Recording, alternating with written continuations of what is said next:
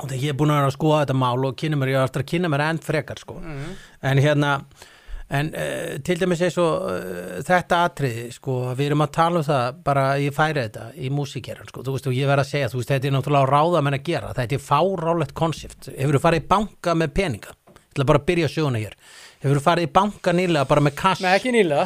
Nei. ok, það hefur komið fyrir, ég hef þurft að fara með einhvern 60-70 þú kalla peningum inn í banka Þú átt að gera grein fyrir því.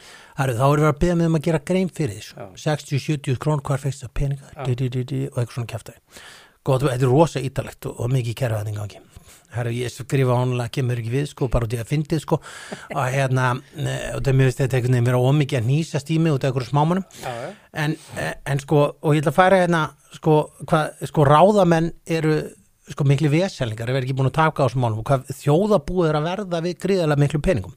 Við getum tekið þetta til dæmis sko bara, og, og það er þá peningum frá þessum veðmála fyrirtæki sem er út í heimi. Já, það sem verið að veðja peningum Íslendingar er að veðja peningum á erlendasíður sem allir fara erlendis. Já, online. Online uh, uh, uh, það sé þjónusta. Spotify er hér á Íslandi sko í mjög vafa sem er í samkemmistaðstöðu sem enginn er búin að taka á með 95% hlutdeildamarkanum þegar kemur að streymistöðum þeir taka inn tekjur líklega 2,5 miljard á Íslandi.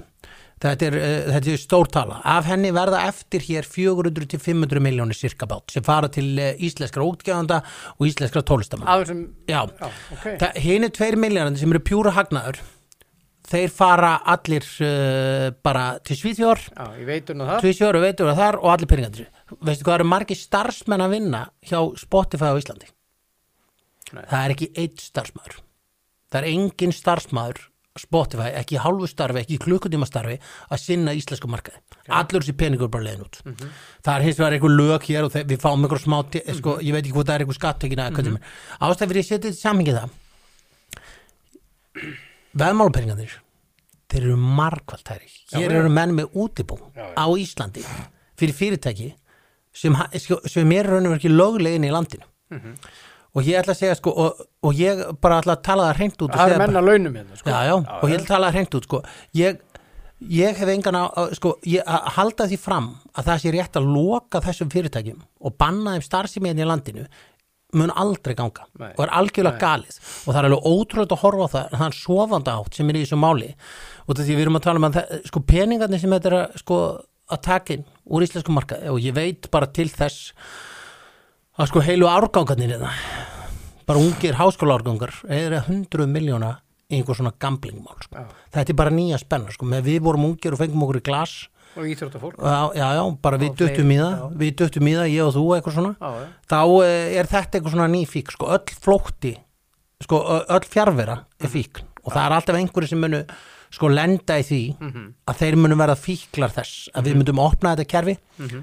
Þessi fíklar verða til hvort við opnum þetta kerfi eða ekki. Ok við hefum séð í Svíþjóð þá eru þeir með mjög sniðut kerfi. Þeir leifa þetta allt saman. Allt þetta. Undir eftirliti Já, undir eftirliti og eftirliti þannig að þú skráir þig bara inn á rafrænu skilningi. Já. og séðan þú bara með þinn veðmálareikning og þú bara byrja að veðja. Þegar þú komið í ákveðið tap á veðmálareikningnum þá fyrir viðvörn mm -hmm. síðan fyrir símtal.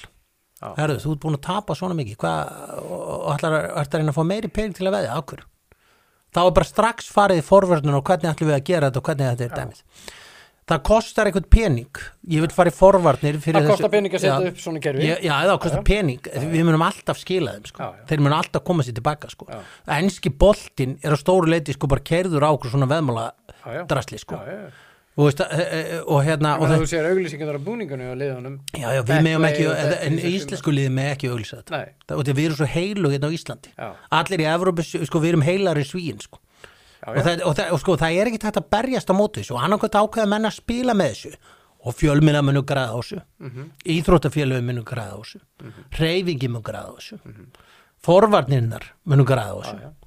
eða við ákveðum að vera með þetta kjaftaði sem er inn í gangi núna Þetta var brot úr þættinum Mín skoðun með Valtí Bitni. Til að heyra þáttinn í heilsinni á samt öllu öðru efni á broadcast þarf að kaupa áskrift inn á broadcast.is.